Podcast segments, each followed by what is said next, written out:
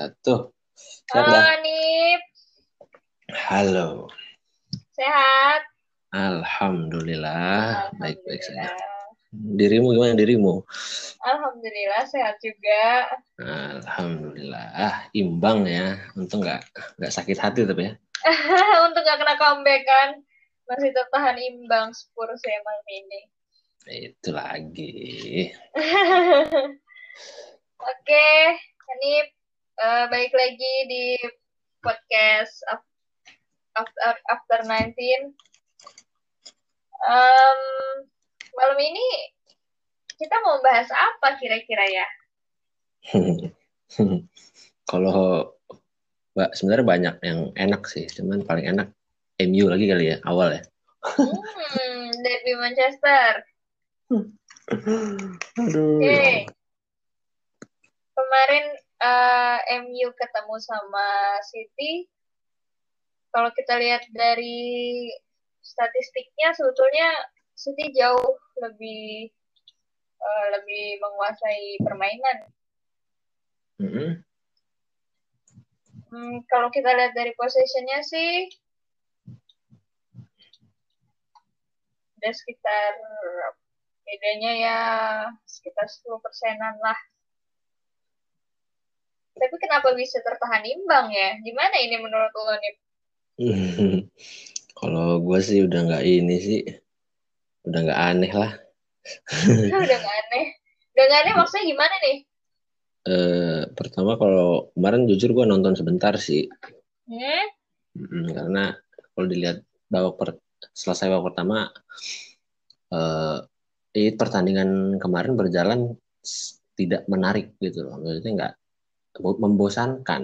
Kayak okay. si si mantan pemain MU pun ngomong Roy Keane dia ngomong ini adalah derby Manchester terboring yang pernah ada gitu. Mantan kapten lah Roy Keane dia komentar seperti itu untuk pertandingan derby kemarin. Karena dari MU dan City juga sama-sama main aman gitu loh. Ya kan? Padahal uh, City punya kualitas pemain yang lebih baik daripada MU pada saat ini gitu loh. Tapi City pun tidak tidak bisa ya, tidak bisa mencetak gol lah. Ibaratnya Sterling kemarin mainnya bapuk Riyad Mahrez mainnya bapuk gitu kan. Masukin Ferran Torres sama aja gitu. Dan MU pun sama gitu loh. Kebanyakan satu peluang Rashford yang bagus cuman ya tidak bisa dikonversikan jadi gol gitu. Terus ada hampir aja dapat voucher penalti cuman offside gitu kan. Untung aja dapat voucher lu kan. Enak banget dapat voucher tiap minggu lu kan. Nah, harusnya sebenarnya di sini City yang bisa mendominasi dan harusnya bisa meraih kemenangan kalau menurut gua gitu loh. Kan dari kualitas pemain kelihatan dan dari kualitas pelatih juga sebenarnya udah jomplang lah kelihatan. Tapi di sini Pep tidak berani uh, bermain terbuka, nyari aman juga gitu loh di derby kemarin. Ibaratnya kalau derby itu kan gengsi anda ya. Iya. Ya ibaratnya kayak ya fight to fight gitu loh harus. Tapi setelah pertandingan selesai salam-salaman ini inian ngobrol bareng kayak Maguire sama si John Stones itu dan si Roy Ken juga kemarin komentar tuh ini apa-apaan maksudnya derby kok begini dan habis pertandingan pemain pada salam-salaman dulu nggak begini derby ya derby. Fight itu fight gitu loh. Maksudnya di luar dan di di luar lapangan ya mungkin ya tidak ada obrolan yang sedekat itu gitu loh. Kasar seperti itu. Maksudnya pertandingan derby Manchester ini sebenarnya harusnya bisa lebih ganas lah gitu. Derby terboring lah kalau kata Roy Keane sih kemarin itu. Dari kualitas pemain MU ya harusnya bisa ya setidaknya bisa mencuri poin dan City layak menang sebenarnya semalam tapi tidak bisa memanfaatkan situasi dan peluang yang ada dah gitu sih kalau gue lihat ya gitu okay. uh, eh, memang uh, banyak yang mengharapkan City bisa mendominasi United di derby kemarin mm -hmm. seperti kayak yang lu bilang tadi dari segi pemain dari dari track record. Tapi kalau misalnya kita lihat dari statistiknya nih, mm-hmm. ternyata justru malah uh, United ini yang lebih banyak yang lebih banyak apa namanya lebih banyak meng menguasai bola uh, bukan menguasai bola lebih banyak melakukan serangan gitu. Mm-hmm. Mereka lebih banyak menembak, mereka lebih banyak apa ya? Maksudnya antara bertahan dan menyerang juga mereka kelihatan lebih imbang gitu kan. Uh, yang dimaksud lo tadi Pep bermain aman ini maksudnya kenapa gitu loh? Padahal kan ya secara kita kita mungkin ya kita semua netizen yang udah yang udah mengharapkan derby ini bakal bakal menarik, bakal panas gitu kan, mengharapkan wah oh, City pasti menang nih gitu. Hmm. Uh, memprediksi City akan menang. Cuman kenapa ini Pep malah malah apa ya, malah lebih memilih untuk bermain nyaman kayak gitu. Hmm. Gimana menurut lo, Nit? Sebenarnya kalau bisa dibilang main aman ya kita lihat permain dari permainan kelihatannya main aman, cuman mungkin Pep berpikirnya kalau menurut gue sendiri Pep ini udah buntu di City harusnya dipecat aja udah ibaratnya buntu tuh oh. buntu tuh gini dia udah tidak bisa mengeluarkan meracik strategi di City gitu misalnya kayak udah bingung inilah udah masa-masa terakhir Pep mungkin Mentoknya, di City. Ya gitu. mentok mentok. Misalnya aduh gue harus nurunin siapa lagi? Gue harus pakai strategi apa lagi? Sementara pemain-pemain gue udah bingung lah ibaratnya. Siapa yang mau dimainin? Siapa yang harus jadi striker? Siapa yang, ya jadi kayak udah mentok di di, di City itu dia udah banyak meramu. Tapi ya musim ini memang ya ininya lah. Apa namanya? Klimaksnya gitu loh. Dan pertandingan kemarin justru tidak ada klimaksnya gitu loh malah ya yang diharapkan bisa jadi penghibur di malam minggu tapi ternyata nggak klimaksnya nggak ada gitu ya. malah boring gitu loh jadi kan kecewa lah ibaratnya okay. gitu. gitu. Kalau dilihat dari uh, dilihat dari tabelnya juga musim ini City sangat sangat nurun ya gitu daripada musim-musim lalu gitu. Sekarang ada yeah. di posisi 9, mereka cuma bisa berhasil ngumpulin 11 poin. Hmm. Apa itu salah satu indikasi dari masa Pep sudah habis di City ini menurut lo? Iya, kalau menurut gue ya mentok deh, udah mentok.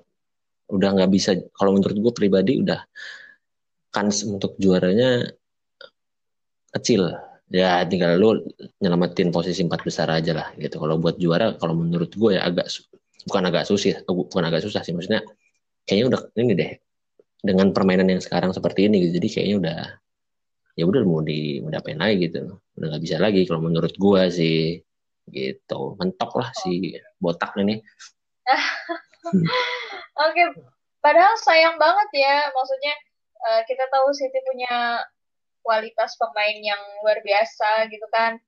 Dari mulai pemain inti sama pemain pelapisnya juga cuma kalau misalnya masa Pep memang sudah buntu di City hmm. ya sudah mungkin satu-satunya cara itu adalah ganti pelatih cuman uh, nanti dulu mungkin ya kita lihat dulu nih sisa sisa musim ini apakah Pep berhasil bawa City kembali ke masa-masa berjayanya seperti musim-musim lalu. Mm-hmm. Okay. Tapi tapi gini dah, ada yeah? Ada ada suatu isu dan suatu sebuah big inilah big news lah maksudnya gini. Gue yang gue setuju sih kalau isu ini setuju. Si Ronaldo ini dikait dikait-kaitkan lagi dengan MU, gitu kan? Ada ibaratnya yang yang bisa membalikan MU seperti sedia kala atau seperti dulu cuman Ronaldo gitu ibaratnya kayak Zlatan di Milan gitu loh impact impactnya ada. Apakah Ronaldo misalnya kalau misalkan si Ronaldo ini balik ke MU itu bakal jadi sebuah transfer yang menurut gua epic lah buat karir dia gitu. Gitu kan? Dia cemerlang di MU dan tutup karir di MU itu bakal jadi uh, ya perjalanan karir yang bagus. Dan di dunia sepak bola ini bakal terhibur juga gitu loh. Apalagi buat fans dari United sendiri gitu. Dan kalau misalkan jadi ini kayaknya ada drama juga ya, ada skenario juga ya kalau menurut gue eh, kayak dimain-mainin juga ya, ada permainan kayaknya ya. Dan misalkan Ronaldo ke MU dan Messi jadi ke City itu bakal jadi the last dance buat mereka kalau menurut gue. Dan itu bakal jadi ya Liga Inggris bakal mantep lah gitu. Menurut gue ya itu kalau menurut gue harus terjadi karena bakal seru gitu. Ngerti kan maksud gue? Mm-mm. Messi ke City, okay. Ronaldo ke MU. Beuh, itu gila sih. Menurut lo, hmm? uh, kalau Ronaldo sendiri masih layak nggak sih buat gabung ke City dan masih bisa nggak dia buat ngangkat Messi itu lagi bisa MU. ngangkat United ha, bisa ngangkat United buat bisa berjaya lagi cemerlang lagi secara dari segi usia kan mm-hmm. uh, dia udah tidak muda lagi dan mungkin ya uh, harus lebih berusaha lebih gitu buat bisa main di Liga Inggris menurut lo gimana itu kalau menurut gue memang dari segi fisik Ronaldo sudah ya udah tua lah menurutnya usia sudah termakan usia gitu tapi yang dibutuhkan United sekarang adalah mentalitas dan sosok kepemimpinan seperti yang gue sebutkan tadi Zlatan di Milan gitu loh.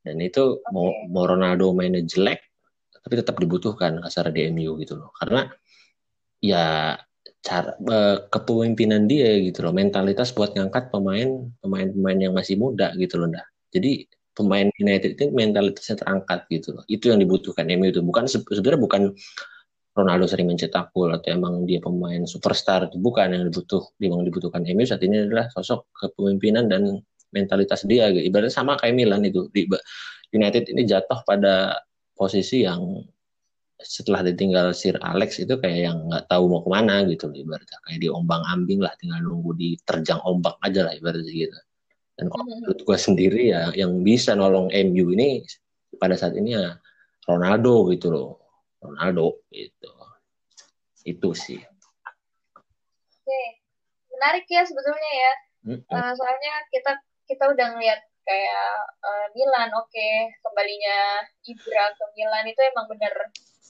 jadi sebuah apa ya jadi sebuah sebuah suntikan gitu kali ya untuk pemain-pemain mm -hmm. muda lainnya lihat sekarang Milan Milan sudah mulai ke apa ke jejak-jejak kemenangannya gitu lalu Uh, contohnya kayak Gareth Bale yang kembali ke Tottenham meskipun yeah. kadang dia nggak di kadang dia nggak dimainin ya sama si hmm. sama si Momo mungkin agak lebih uh, kurang percaya mungkin ya untuk saat ini buat dia main di Liga Inggris lagi lebih sering diturunin di Liga Eropa tapi ya memang strategi itu kelihatan gitu mental-mental pemain jadi lebih lebih terangkat okay. nah. menarik juga ini kalau misalnya Ronaldo bakal jadi ke MU, Messi dibawa City. oleh Pep kembali ke City. Iya okay. tuh the last dance buat mereka ibaratnya sepak bola bakal rame. Iya. Dan uh, otomatis pamor Liga Inggris mungkin jadi lebih terangkat lagi gitu kali ya. Iya jelas. jadi lebih jelas jadi lebih apa ya jadi lebih rame gitu mm -hmm. pasti pasti karena kan sekarang lah yang lagi anyep kan justru Liga Spanyol jujur aja gak enak dilihat banget Spanyol ya, kan? sejak kepergian Ronaldo juga kan hmm, apalagi tinggal Ronaldo habis Messi karena ya itu politik juga sih sebenarnya. Ada ada unsur politik juga lah dari manajemen manajemen klub gitu. Ya ibaratnya kalau Messi pergi La Liga pasti menurun lah tontonannya gitu loh. Pastilah itu pasti gue yakinin. Dan kayak sebenarnya kayak fans Madrid juga Ronaldo cabut kayak follower Madrid berkurang itu impactnya itu pasti ada gitu loh. Dan La Liga pun sebenarnya bukan Madrid dari pihak Barcelonanya pun sebenarnya awalnya memang tidak mau melepas Messi tapi didorong oleh pihak si La Liga yang juga si Messi ini nggak boleh cabut gitu karena bakal mengurangi pamor dari La Liga sendiri gitu yang politik lah duit lah itu intinya sih seperti itu jadi uh, rumor-rumor adanya perpolitikan dalam dunia olahraga ini emang betul adanya ya. Coba coba lo bisa cerita lebih lanjut nggak sih? Gue jadi penasaran ini. Oke, ya sebenarnya sih unsur politik itu di, di persepak bola ini udah lama ya, karena sebelum adanya media sosial juga udah, sering lah kayak contoh di tahun 2002 pengaturan skor di, di pertama kali gue nonton bola 2002 Italia lawan Korea jadi kayak banyak pengaturan skor di situ. Si Korea ini bisa melanjut sampai melaju sampai semifinal. Oh, iya. Itu ada Piala Dunia ya. Ya, itu Piala Dunia. Ibaratnya kan pas gue kecil tuh kayak kesal banget Itali. Itu cikal bakal gue suka Itali dan Milan dari situ lah 2002 itu kan. Jadi kayak ini apaan nih? Saya sampai Maldini palanya ditendang itu nggak pelanggaran itu wasitnya kan. Nah ibaratnya kasus itu ketahuan pada 2015 dan memang salah satu petinggi UEFA waktu itu ya kena juga. FIFA atau UEFA? Sorry antara FIFA dan UEFA lah. FIFA berarti FIFA sorry. FIFA FIFA. FIFA World Cup kan. Jadi ketangkep ada sekitar lima orang yang ditangkap e, ibaratnya KPK yang sono lah, sih gitu kan. Tahun tahun 2015 15 oh. baru baru terselesaikan. Padahal kasusnya udah 2002 17 tahun kemudian ya? That's right itu dia makanya. Karena eh, persepak bolaan Italia pada saat itu tidak menerima gitu loh bahwa ada kasus ini tuh kok nggak selesai gitu. Misalkan kenapa sih Italia ini bisa gugur di fase grup loh itu? Eh sorry fase hmm. bukan sorry bukan fase grup. Per inilah 16 besar pada 8 besar gitu kalau nggak salah. Lawan Korea itu. Sebenarnya dia bisa menang gitu loh tapi ya kotor lah dengan cara licik kotornya Korea Selatan. Itu duit juga balik lagi ke duit. Karena kalau misalkan Korea bisa bertahan sampai ini apa sampai apa namanya sampai final atau sampai perempat final itu bakal ada duit masukan yang banyak juga. Karena pada saat itu kan Piala Dunia diselenggarakan di Korea dan Jepang gitu loh. Itu salah satunya. Contoh kalau sekarang ibaratnya terlalu banyak kompetisi dah. Ngerti kan? Ya kayak kayak Nation League lah contohnya Nation League gitu. Yang kalau jeda internasional kepada pemain balik ke negaranya main Nation League. Sebenarnya itu ya bukan gak penting sih kalau menurut gua. Cuman kayak buat apa gitu loh.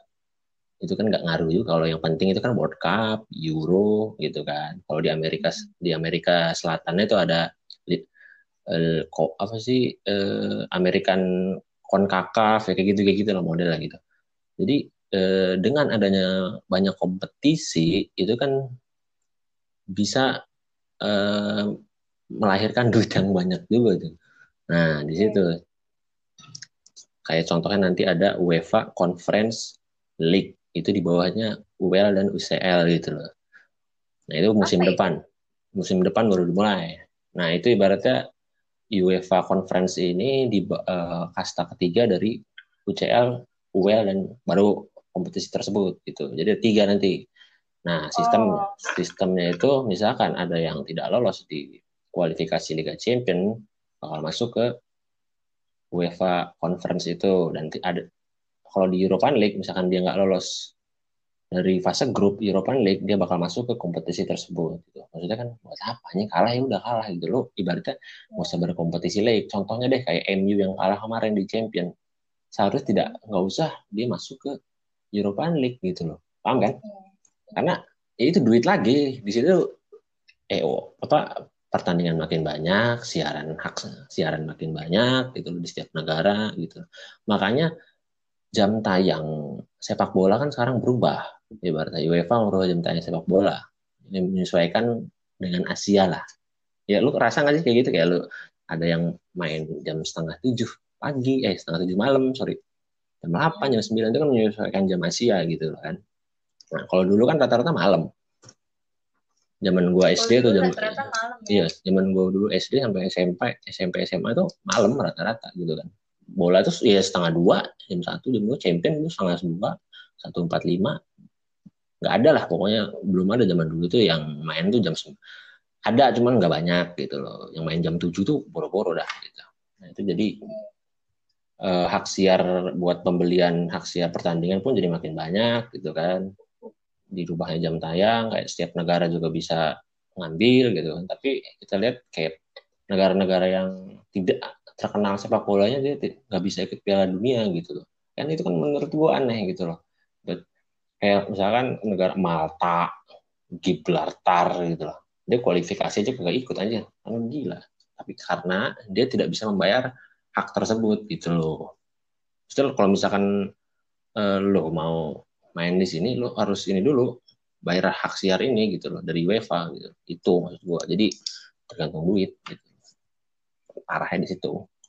Dan para pemain juga kan ngeluh kemarin si Pep ngeluh, si Klopp juga mau juga ngeluh kan itu terlalu apaan ini iya. kompetisi banyak banget gitu kan. Itu jadi banyak perpolitikan lah sekarang ini ya sebetulnya petinggi UEFA itu kagak ada yang ngerti bola nih. Terakhir tuh yang ngerti bola cuma Platini doang. Tahun itu juga tahun berapa ya? Tahun 2007-an lah, sekitar tahun 2007-2008 gitu. Misal Platini dari Prancis itu cuma dia doang petinggi UEFA yang mantan pemain sepak bola. Selebihnya kagak ada. Yang botak tuh, yang botak yang sering ngocok ini apa namanya? ngedrawing kagak ngerti bola deh gue di situ jadi cuman mikirin cuan aja gitu loh dan tidak memikirkan mereka mungkin tidak tidak mengerti sepak bola tapi mereka nah, mengerti berbisnis nah ya. itu that's right Oke. Okay. Cuan. Uh, gue gue penasaran deh tadi. Lu bilang kan pertandingan-pertandingan sepak bola ini menyesuaikan waktunya dengan uh, dengan waktu di penayangan di Asia gitu ya. Hmm. Apakah itu artinya penayang apa uh, pasar di Asia memang yang paling tinggi daripada di Eropa atau karena memang suntikan dananya sponsor-sponsor segala segala macam itu dari kebanyakan dari Asia itu gimana coba? Justru enggak, justru dia mau ngambil semua pasar di Eropa sudah pasti nonton dong, pasti banyak yang nonton karena hmm. misalkan main main jam setengah sembilan ya di sana juga jam setengah sembilan kan hampir bedanya dikit gitu loh kalau di misalkan di sana setengah sembilan malam atau jam delapan pasti di Asia itu kalau nggak dini hari subuh kan itu maksud yeah. gue jadi kenapa dia merubah jam tayang? Nah supaya pasar ini kena semua gitu loh. Nah itu kan menyiksa pemain. Pemain harus mainnya yang biasa main sore jadi main jam 9 malam gitu kan. Itu kan impactnya ke pemain juga gitu loh. Demi memperoleh dari ya aksiar-aksiar itu. Kan kalau misalkan bola mulainya jam 11 ke bawah kan pasti banyak yang nonton no? ya kan nah pasti banyak juga yang langganan TV itu maksudnya ada ada hubungannya juga dengan seperti kayak bola TV mungkin mereka juga ada, ada haknya buat mengasih masukan ke UEFA gitu loh. Ya maksudnya TV-TV berbayar lah. Pasti mereka juga punya andil di situ. Maksudnya ada politisnya di situ gitu jadi udah kalau menurut gue bola bola zaman sekarang ini udah tidak ini ya. Udah terlalu industrial bisnis banget gitu kayak contoh kayak setiap pemain aja habis habis pertandingan langsung mau handphone buat YouTube kayak Paul Pogba Neymar tuh udah aduh ampun ampun anda maksudnya lu main di MU kayak Pogba itu cuma buat konten doang kasarnya gitu ya jadi yeah, yeah tidak sepenuh hati gitu. Cuma beda dengan zaman dulu gitu kan. Apalagi adanya VAR gitu kan. Ibaratnya kalau adanya VAR nih zaman sekarang backpacknya jadi lembek gitu. Lembeknya ya selalu ada VAR ini. Kalau misalkan gua gua nyenggol juga pasti gini gitu. Jadi ya itu maksudnya teknologi yang kita tidak bisa apa menghentikan teknologi yang bergerak. Cuman kalau menurut gua banyak manfaatan lah, asas manfaat dari kondisi seperti ini gitu loh. Itu sih menarik ya sebetulnya pembahasan pembahasan ini. Iya, menarik ini. Gue senang kalau bahas-bahas yang lebih ke apa non teknis gitu loh, karena banyak sekali yang yang yang bisa di yang diulik ya. Poin. Iya. Itu. Oke, kalau ngomong uh, antara bisnis uh, dan perpolitikan dalam sepak bola ini uh, dari dari orang yang betul-betul berperan di dalam sepak bolanya itu sendiri seperti pelatih, pemain, uh, mm-hmm. mereka kan pasti bersikap ya menentukan sikap dengan dengan apa ya dengan dunia dunia sepak bola yang makin ke sini makin makin apa ya makin ibaratnya makin iya makin industrial gitu makin makin mencoba menjual hiburan yang lain se, se, uh, selain olahraga itu sendiri uh, menurut lo sikap-sikap sikap-sikap mereka itu yang yang mereka keluarin tuh kayak gimana sih? Apakah ada yang secara terang-terangan protes atau ada yang apa ya ibaratnya pakai-pakai cara halus seperti sindiran kayak gitu. Atau emang mereka benar menentang menentang apa ya menentang cara pengaturan FIFA atau UEFA yang mengatur jadwal sepak bola tanpa mempedulikan pemain gitu. Ya kalau menurut gue dari segi di klubnya sendiri ya dia nggak bisa apa ya habis walaupun ada hampir banyak. banyak gitu kan banyak sindiran cuman ya sekedar sindiran aja dan tidak bakal merubah kondisi gitu loh karena itu sudah berjalan gitu loh kayak ibaratnya uh, Nation League yang tiap hampir dua minggu sekali sebulan sekali gitu kemarin itu ada gitu tapi ya udah udah dijadwalkan lo nggak bisa batalin itu dan dan klub pun mengiyakan gitu loh di sini. Kan kan gini loh kalau misalkan di beda ya ada ada perbedaan antara contoh deh kita ambil kasus kayak di Inggris sama di Italia itu bedanya kalau misalkan di Italia ini setiap klub nggak setiap klub sih ada beberapa klub yang punya direktur teknik. Direktur teknik itu buat kayak contohnya kayak Paulo Maldini. Dia ngejabat sebagai direktur teknik buat eh, ngerekrut ngerekrut pemain gitu loh. Contohnya kayak yang milih-milih pemain itu si Maldini. Dan pelatih itu tidak punya otoritas buat hal tersebut. Punya cuman hanya dia hanya memberi saran gitu loh. Gue pengen beli ini gue beli ini. Cuman yang keputusan ada di tetap ada di, di, di direktur teknik ini di si Paulo Maldini. Kalau di Inggris bedanya dia tidak ada direktur teknik kayak MU tidak ada tuh nama kayak yang menjabat sebagai uh, direktur teknik di MU pelatih punya otoritas di situ. Gue pengen kayak contoh deh Jurgen Klopp gue pengen beli si ini Messi misalnya. Ya udah lu lu tinggal kontak agennya atau tinggal kontak ininya gitu loh. Lo bisa gitu loh. Jadi bedanya di situ gitu loh. Bedanya memang setiap apa setiap liga itu beda-beda ininya lah apa aturan-aturannya. Iya kebijakannya beda gitu kalau di Italia dia pelatih itu tidak punya otoritas lah. Kalau di Inggris pelatih punya otoritas gitu. Gitu. Jadi kan kalau misalnya kita lihat di sini kan uh, sebuah klub juga itu udah udah kayak apa ya? Bisnis. Kayak jadi uh -uh, udah jadi bagian dari bisnis itu sendiri ya justru ya? Iya benar benar. Menurut lo um, permainan permainan uh, sepak bola dan bisnis yang di, dipadukan seperti ini ngaruh gak sih ke kualitas pemain dan ke permainan jelas. mereka? Jelas, jelas ngaruh. Pasti. Gimana itu ngaruhnya menurut lo? Ya, contoh di berarti di tahun 2020 ini kan perkembangan teknologi kan pesat banget sampai ada yang VAR atau segala macam diadain lah di sepak bola gitu. Dan ya. Ngaruhnya ke pemain adalah pemain zaman dulu kan kalau main bola lu harus main lu lu nguasain bola lu megang bola itu 70% lu bisa menang gitu loh zaman dulu. Tapi kalau zaman sekarang lu diserangan diserangan mati-matian lu bertahan sampai mati, tapi lu juga bisa lu bisa menang gitu loh. Jadi di, tak, dari segi taktikal strategi itu sekarang udah beda banget sama zaman dulu gitu loh. Ngaruhnya kalau ke pemain adalah uh, si pemain ini bisa pindah pindah-pindah tempat. Contohnya kayak Ronaldo yang, yang tadinya main di kiri, 10 menit kemudian dia main di kanan jadi terlalu banyak apa ya namanya kayak ngandelin satu pemain gitu loh, satu sosok atau dua sosok di situ. Kalau zaman dulu kan enggak lu di di left back ya di left back aja lu di gelandang kanan ya lu di kanan aja gitu. Terus striker ya udah di depan nggak usah mundur-mundur gitu. Jadi banyak banyak banget yang ngaruh ke kualitas dari strategi permainan gitu. Beda banget sama zaman dulu. Misalnya kalau gua kan menyaksikan sepak bola itu kan dari udah lama ya dari gue SD gitu kan. Jadi uh, memang beda banget sih parah parah gitu loh memang lebih adil lah kalau kalau sekarang tuh ibaratnya gol yang harusnya tidak gol itu bisa jadi gol eh ya sorry yang yang gol tuh ya sah gol gitu loh karena kalau zaman dulu kan jeleknya kalau misalkan bola itu masuk tapi nggak ada VAR kan bisa dilihat nggak masuk gitu zaman sekarang kan itu masih terlalu apa ya terlalu detail. Jadi terlalu detailnya dalam sepak bola ini kadang mematikan juga kayak ke apa ya keasikan dalam bermain bola gitu loh menurut gue hmm. dengan adanya teknologi yang udah canggih ini. Ya sebenarnya ya, ya gimana kita nggak bisa nggak nyalahin teknologi juga gitu kan. Kayak yeah. gitu iya. sih. Naruhnya pemainnya itu jadi sering bikin vlog vlog aja udah. Nyebelin aja oke okay, iya banyak ya sekarang maksudnya yang uh, pemain bola yang mungkin lebih ke apa ya lebih ke seleb-seleban gitu mungkin ya. Nah itu, eh, ngomong-ngomong Liverpool kalah nih satu kosong sama Fulham. Oh iya. Iya.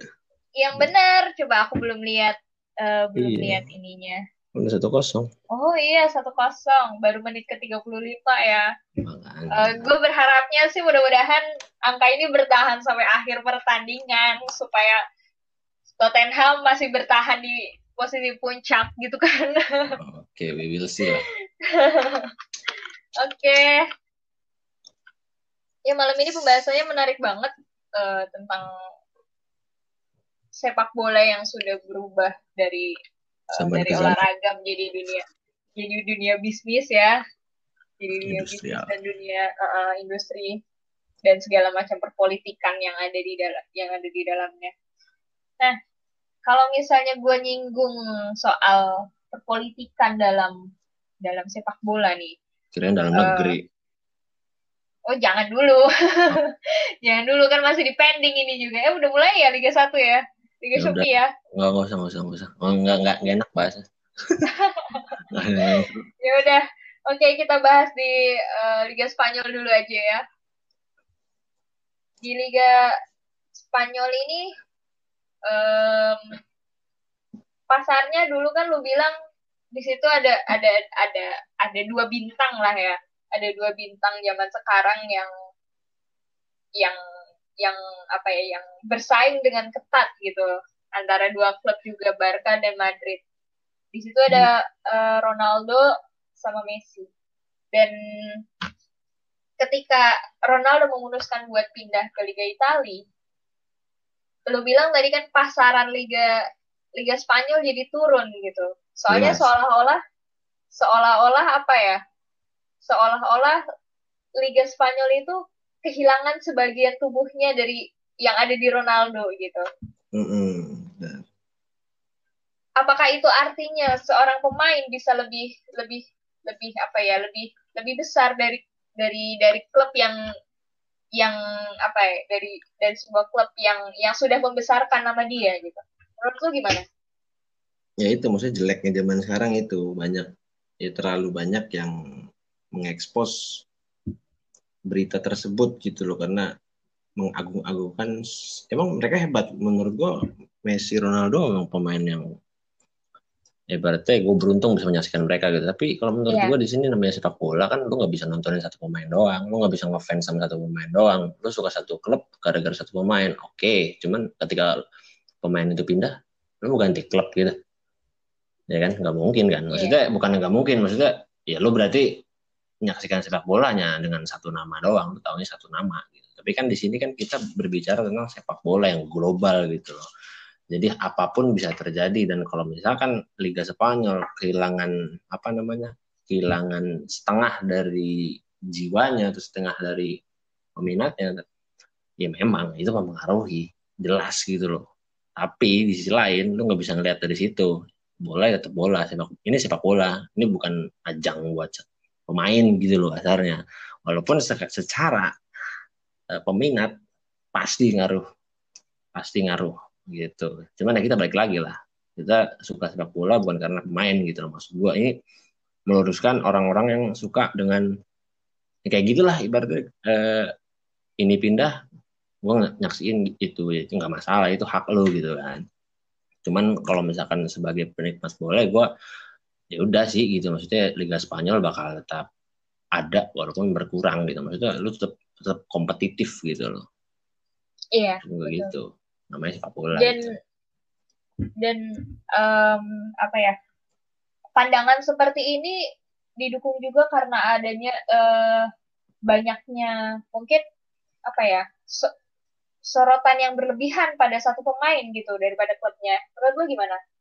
Iya itu benar benar karena ini tadi yang gue bilang satu pemain ini atau dua pemain tiga pemain itu bisa jadi sebuah ikon di sebuah klub gitu loh. Iya. Ya karena satu medsos segala macem gitu loh. Bahkan pemain-pemain yang bagus justru tidak terlihat gitu, tertutup oleh uh, berita-berita yang yang dia dia lagi dia lagi gitu loh. Gua emang misalkan kita ngomongin Ronaldo dan Messi ya mereka hebat. Cuman lu jangan lupa hmm. kalau misalkan ada pemain lain gitu loh ibaratnya kayak Mbappe ya oke okay lah bagus. Cuman memang tidak sebagus Ronaldo pas pada saat seusianya gitu loh. Cuman yeah. ya namanya pemain bola kan come and go gitu loh. Datang dan pergi gitu kan. Kayak mantan iya. aja kan. Jadi lu nggak bisa lihat sosok pemain lu tetap ya kalau klub ya pasti lebih besar dari pemain gitu loh. Itu iya berarti uh, antara orang yang memperhatikan sepak bola karena permainannya dan orang yang memperhatikan sepak bola karena pemainnya ini kelihatan jelas ya bagaimana uh, bagaimana industri itu sendiri bisnis itu sendiri bermain di dalam dunia sepak bola ini ya. Gitu. Mm-hmm. Lebih ke pandangan orang menyikapi bola sih kalau menurut gue ya pandangan orang nyikapin bola lah gitu. Ya kita nggak bisa maksain orang harus berpikir sama sama kita gitu kan. Mm. Tapi ya lo kayaknya lu harus nggak kayak gini deh gitu jangan jangan gini deh jangan gini deh gitu. tapi ya itu hak lu lah gitu demokrasi walaupun tidak demokrasi oke okay. hmm. okay. kalau menurut lu sendiri nih huh? uh, kemarin rumor yang sempat sempat apa ya sempat hangat gitu mm -hmm. jadi pembicaraan di mana-mana uh, sampai trendingnya hashtag save Messi itu bertahan selama berhari-hari. Save Messi, oke oke gimana gimana itu? Gue belum tahu malah, sorry sorry. Yang ini apa si Messi pengen keluar dari Barca, oh. cuman seperti apa ya? Kayaknya Barca yang menahan gitu. Tadi kan di awal lo udah nyinggung uh, kenapa Messi tetap bertahan di Barca karena ada pengaruh dari nggak cuman klub aja tapi mungkin satu liganya ini kan satu liganya. Iya betul. Coba ceritain lebih lanjut buat kita uh, menurut pandangan lu gimana? Iya tadi kalau menurut gua politis tadi ya karena Messi ini adalah udah dianggap sebagai ikon nih berarti gitu. Sama Barca dan sama si La Liga sendiri gitu loh Iya. Jika si Messi ini meninggalkan, sebenarnya kan Messi kan udah pengen pindah loh, udah udah udah, gue pengen cabut dah, udah udah udah. Iya. Tapi kan dihalang-halangi oleh manajemen Barca dan La Liganya sendiri gitu loh. Sampai disuratin tuh si Messi surat pribadi loh sama La Liganya. Itu oh, ada kok. Oh iya. Per letter itu ya dari La Liga to Messi gitu loh. Gini gini oh. gini gini gini lu masih ada kontrak gini gini kalau misalkan lu pengen sengaja diikat gini jika ada pemain, eh jika ada klub yang ingin membeli Messi, lu harus beli dengan harga sekian. Itu mahal banget harganya gila. Maksudnya nggak ada satu. Oke, okay, City sama PSG mungkin mampu beli dia. Cuman klub yang mampu pun buat apa gue beli pemain mahal-mahal dengan usia yang masih tiga yang udah 33 tahun gitu loh. Ngerti nggak? Jadi buat apa? Apalagi klub-klub yang semenjana gitu kayak Torino itu kan nggak mungkin beli gitu kan. Jadi sengaja ditinggiin harganya, sengaja yeah. tidak masuk akalin biar klub-klub yang besar pun jadi mikir, gue mendingan beli lima pemain muda daripada dengan harga segitu daripada beli satu pemain yang udah tua gitu ya. Iya. Gitu. Jadi, jadi memang situasi Messi dibuat seperti itu ya. Iya, dibuat sengaja rumit. dibuat seperti itu gitu nah, Nah, karena tidak mau kehilangan dengan gratis ibaratnya misalkan gini dah uh, itu kan kontrak Messi itu kan mau habis ya kan kalau misalkan lu nggak jual cepet Messi lu gratis dapetinnya gitu kan nah hmm. posisi sekarang kenapa nggak dilepas itu karena uh, bisa menghasilkan duit buat Barkanya juga iya buat hmm. La Liganya juga iya dan satu kasus yang menarik menurut gue itu kayak pindahnya Luis Suarez ke Atletico Madrid. Kenapa Luis Suarez hmm. pindah? Menurut kalau mau gue tanya, kenapa kenapa Luis Suarez pindah dengan harga yang murah ke, Bar ke ini ke Atletico? Lu tau nggak? Kenapa? kenapa itu? Karena Barcelona ini lagi ada krisis keuangan. Jadi dia oh. tidak mau membebankan pemain. Ya udah gajinya maksudnya gaji itu hmm. biar terlalu banyak ya buang aja itu sih Suarez contoh. Yang Vidal. Hmm. apalagi itu kemarin dilepas tuh lupa gue pokoknya pemain-pemain Rakitic sorry dibeli sama Sevilla cuma satu satu juta euro karena Barca nggak peduli banyak orang yang komen anjing ini si Rakitic dibeli sama ini cuma satu ini doang. Nggak ngerti mereka. Ternyata di situ ada unsur ego.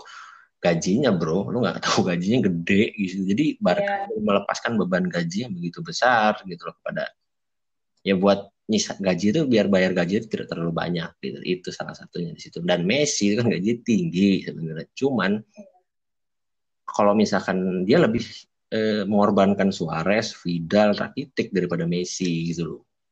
Asalnya gue lebih mending bayar satu orang nih tapi mak yang mempengaruhi tim. Terus gue rela buat ngelepas tiga pemain yang krusial lah gitu. Itu sebenarnya yang suruh-suruh politis dan keuangan juga sih. Klub kan Barca kan lagi goyang lah keuangannya gitu. Itu. Oke. Okay. Sebenarnya Luas Suarez nggak mau itu ninggalin Barca. Iya. Dan sepertinya Messi juga nggak mau Luis Suarez pergi, Vidal pergi ya. Ya itu, karena gaji. Ya, jadi kalau kalau misalnya kita lihat kita lihat di sini apa yang terjadi di dalam kita kita itu uh, baru pembicaraan di luar ya kita kita nggak tahu apa yang sebetulnya terjadi yang betul-betul terjadi di dalam mm -hmm. di dalam Barca antara Messi dengan Barca, Messi dengan La Liga mungkin lebih kompleks lagi mungkin ya. Itu yang kita lihat dari luarnya aja, oke. Okay. Banyak lah unsur-unsur kayak iya. dia udah tekan kontrak sama Konami. Konami kan sponsor utama Barcelona yang PES lah. Game-game itu kan. Ya udah dia buat trailer Bar Barca gini, masih harus dirubah jadi trailernya City kan capek lagi gitu kerja dua kali. Itu sih banyak faktor yang menyebabkan tidak jadinya Messi pindah. Ini maksudnya drama banget sih. Enggak, ini males jadinya Kayak gitu. Penting maksudnya kayak gitu. Terlalu banyak duit. Kampret emang bola ini sekarang gedek. Iya, mungkin karena uh, sepak bola sudah semakin ini ya, nih ya, semakin apa ya, semakin semakin uh, banyak peminatnya gitu kan, yeah. banyak uh, banyak yang menganggap ini sebagai hiburan yang yang menarik gitu. Hmm. Jadi pasarannya juga mungkin semakin tinggi dan ya mungkin banyak orang yang melihat melihat peluang di situ. peluang dan, permainan. Gak cuma permainan sepak bola aja ya, tapi dan satu ini ini lagi sih kalau menurut ya di sinilah kayak kita bahas podcast bola ini maksud gua karena sepak bola itu nggak bakal ada habisnya buat dibahas. Karena setiap pemain yang pensiun pasti ada penggantinya pemain muda. Maksudnya silih berganti regenerasi bakal terus ada. Jadi kalau menurut gue pembahasan tentang bola itu nggak bakal habis gitu loh. Tuh. Iya. jadi ya setiap tahun pasti lah setiap tahun pasti ada pemain baru setiap tahun ada pemain yang naik gitu kan. Pasti ada aja nanti tiap tahun kayak gitu. Itu di sini maksudnya menariknya. Gue suka banget sama bola ya di sini gitu loh. Selain ini ya maksudnya menghindari berita-berita politik yang aneh lah maksud gue daripada gue udah capek sama politik politik kan gitu. Oke menarik pembahasan ini dan kayaknya kalau misalnya kita terusin nggak bakal nggak bakal selesai soalnya banyak aja nanti yang akan dibahas hmm, banyak ini banyak menyinggung sesuatu lah pasti Iya. Mm-hmm. Itu itu baru kita bahas antara pemain dan dan, mm-hmm. dan sebuah klub aja kali ya.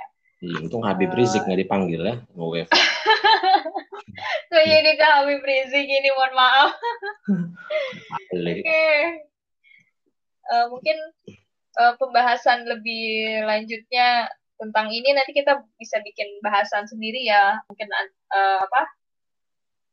Bisnis yang dikelola di di Liga Inggris atau di Liga Italia atau bagaimana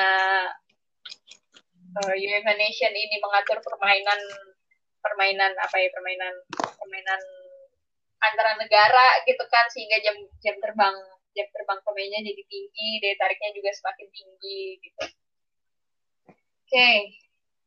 uh, eh, lanjut nih hmm, oh iya kita sekarang udah di udah di uh, pertengahan babak antara Fulham dan Liverpool ternyata masih satu kosong skor masih masih sama masih bertahan satu kosong dan ya Dua menit berapa? Berdoa lagi semoga hasilnya bertahan sampai akhir. Dua menit berapa itu? Udah udah ini udah babak kedua. Itu maksudnya half time. terjadi kan sama Liverpool. Maksudnya kayak pemainnya banyak yang cedera sementara pemain cadangan lu nggak bisa backup pemain utama ya udah inilah yang terjadi. Bom waktu. Saya tadi. Itu yang gue takutin dari AC eh, Milan juga. Gimana gimana? Tapi kalau misalnya kita lihat dari dari pos dari possession nih ternyata jauh sekali antara Fulham dengan Liverpool ini. ya, Liverpool sangat mendominasi Hmm. pasti bertahan sampai mati itu Fulham. iya benar. Liverpool berta apa mendominasi sekali 70% ini. Dengan Fulham, Fulham hanya megang 30%. Main di oh main di Craven Cottage ya. Di Fulham. Uh, dan kalau kita lihat uh, line up-nya Liverpool ya. Di lini depan mereka masih memainkan oh sudah pada kembali ini seperti pemainnya ya. Oh, ada Salah, Mane, uh -uh, ada Bobby juga di depan. Di tengah kita punya Jordan Henderson sama Wijnaldum. Wijnaldum ya terus. Terus backnya ada Fabinho, ada Robo, ada Matip sama ada si Trent Alexander. Kipernya Alisson kan? Kipernya Alisson. Hmm, terus si Van Dijk uh, ibaratnya ini, ya? ini ini permainan nyamannya klub ya. Maksudnya pemain-pemain ini adalah pemain utama yang di yang sering di, dimainkan oleh Jurgen Klopp ini. Mm -hmm. Pemain iya pemain ya ketergantungan dia kalau nggak ada pemain itu dia nggak bisa menang. ketergantungan oke. Okay. iya. Tapi kan juga lama-lama lu bakal kebaca permainan lo. Iya betul sekali. Gitu itulah salahnya.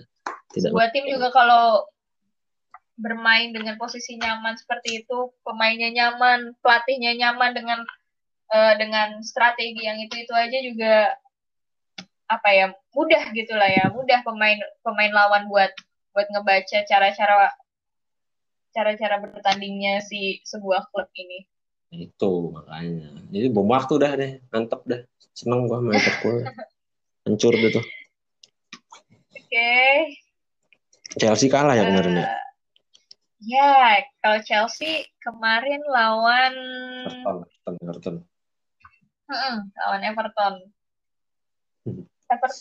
Angkanya bagus sih sebetulnya satu kosong uh, sebuah tim. Penalti, kan? Menurut gue ya, menurut gue ya angka huh? kenapa? Penalti ya. Iya penalti. Penalti, penalti. Gue lihat angka satu kosong ini kayaknya kita gol banyak-banyak, penting kita menang dan clean sheet itu sebuah keharusan, ya nggak sih? Hmm. Penalti di menit ke-22 tapi sisa sisa dari pertandingan itu nyatanya Chelsea nggak bisa ngebales. nggak bisa ngebales uh, angka dari Everton. Ini kasusnya sama. Chelsea itu tidak bisa, yang gue bilang waktu itu pernah lah kita ngobrol Chelsea itu kan kayak si Lampard nih nurunin pemain ya itu itu aja maksudnya kayak dia terlalu mengandalkan pemain yang itu, Henderson, itu aja ya. Gitu. Eh Henderson ya Ziyech ketika nggak ada terus malah Ziyech cedera tuh jadi nggak ada penyuplai malah yang dimainin Temi Abraham Temi Abraham kan nggak bisa ini apa namanya ya maksudnya bola-bola tinggi dia nggak bisa gitu loh malah mainin diganti sama Giroud Giroud nggak ada Ziyech yang nggak bisa apa-apa juga gitu iya. oke okay udah 45 menit lebih 47 47 menit ya hmm. kita ngobrol bareng di sini. Di After 19 podcast sama gue sama Anip. Kira-kira kita mau ada yang masih mau dibahas nggak nih apa kita simpen aja kali ya buat episode selanjutnya episode selanjutnya? Kita kita simpen aja buat buat obrolan kita selanjutnya gitu kali ya Hmm, Oke, okay. gue mau nyinggung aja sih, apa seri A sedikit okay. ya, boleh ya? Hmm, so, soalnya kan nanti mak, karena Milan main malam aja, tidur kayaknya gue nggak nonton. Tiga. Menang, menang, udah bangun-bangun menang. Hmm, soal Juve ini masih 0-0 ya, gue cuma melatihin udah tadi nih. Oh, oh iya. Yeah. Soalnya tadi Inter menang.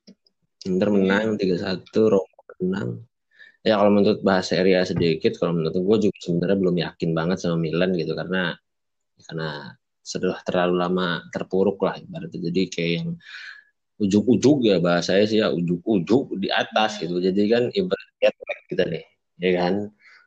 Anjir di atas nih. Tapi takut jatuh gitu. Nah itu maksudnya kan gue yakin semua yang suka Milan Milanisti pasti masih belum percaya juga. Yang penting gue sih tembus UCL aja lah gitu bisa comeback ke UCL udah itu, itu mimpi semua Milanisti balik ke karena kita udah lama ini apa namanya vakum lah dari UCL gitu lah. Yeah. karena kalau sampai Liverpool juara Munchen juara pialanya sama kayak Milan jangan sampai oh iya ya kampret. Iya. Liverpool dan enam yeah. Bayar 6, uh, Milan 7. Oh, iya. Yang pertama Patah Madrid kan ya, uh, rekor Nah, itu. Rekor Milan ini. Makanya jangan sampai itu Munchen Liverpool juara jangan sampai udah yang penting PSG aja yang juara lah. Okay. City. Okay. Itulah. Okay, kita... Kalau seri A sebenarnya tidak terlalu ini ya. Sekarang lagi up and down. Jadi lagi berkembang lagi lah seri A ini. Kalau zaman dulu kan berjaya sekali ya seri A ya bukan berjalan lagi ibaratnya kayak semua pemain bola pasti pengen main di seri A yeah. gitu loh ibaratnya dulu sekarang anyep kayak gitu okay. mana ada dulu oke lah mungkin itu aja kali yang kita bahas kali ya hari ini ya. Iya. Next time, next time kita ya. Simpan kita apa pembahasan menarik lainnya. Kita bahas Serie A nanti, kita bahas uh, Liga Italia, kita bahas uh, apa aja nih yang ada di dalam-dalamnya dunia persepak bolaan di obrolan kita selanjutnya. Oke, okay, Anip. Iya. Uh, makasih banyak waktunya udah udah mau ngajak gue ngobrol malam ini kita ngobrolin sepak bola yang yang obrolan malam ini sangat menarik ya gitu menurut gue. Hmm. Dan semoga teman-teman juga yang dengerin uh, terhibur dan bisa bisa bisa apa ya bisa bisa jadi bahan buat buat apa ya buat buat pengetahuan baru gitu kali ya. Udah. Semoga kamu juga nggak bosan-bosan lah ya. Ya semoga semoga kamu juga nggak bosan-bosan nggak nggak dengerin nggak dengerin obrolan kita yang yang apa ya yang ngalur ngadul ini yang yang yang nggak bosan-bosannya membahas tentang dunia sepak bola dan akhir kata uh, eh, gue mau ngucapin makasih buat Anip uh, buat teman-teman semua dan mohon maaf bila ada kata-kata yang salah kita ketemu lagi di obrolan kita selanjutnya oke okay. wassalamualaikum warahmatullahi wabarakatuh Waalaikumsalam. Thank you. Iya, yeah, makasih Anip.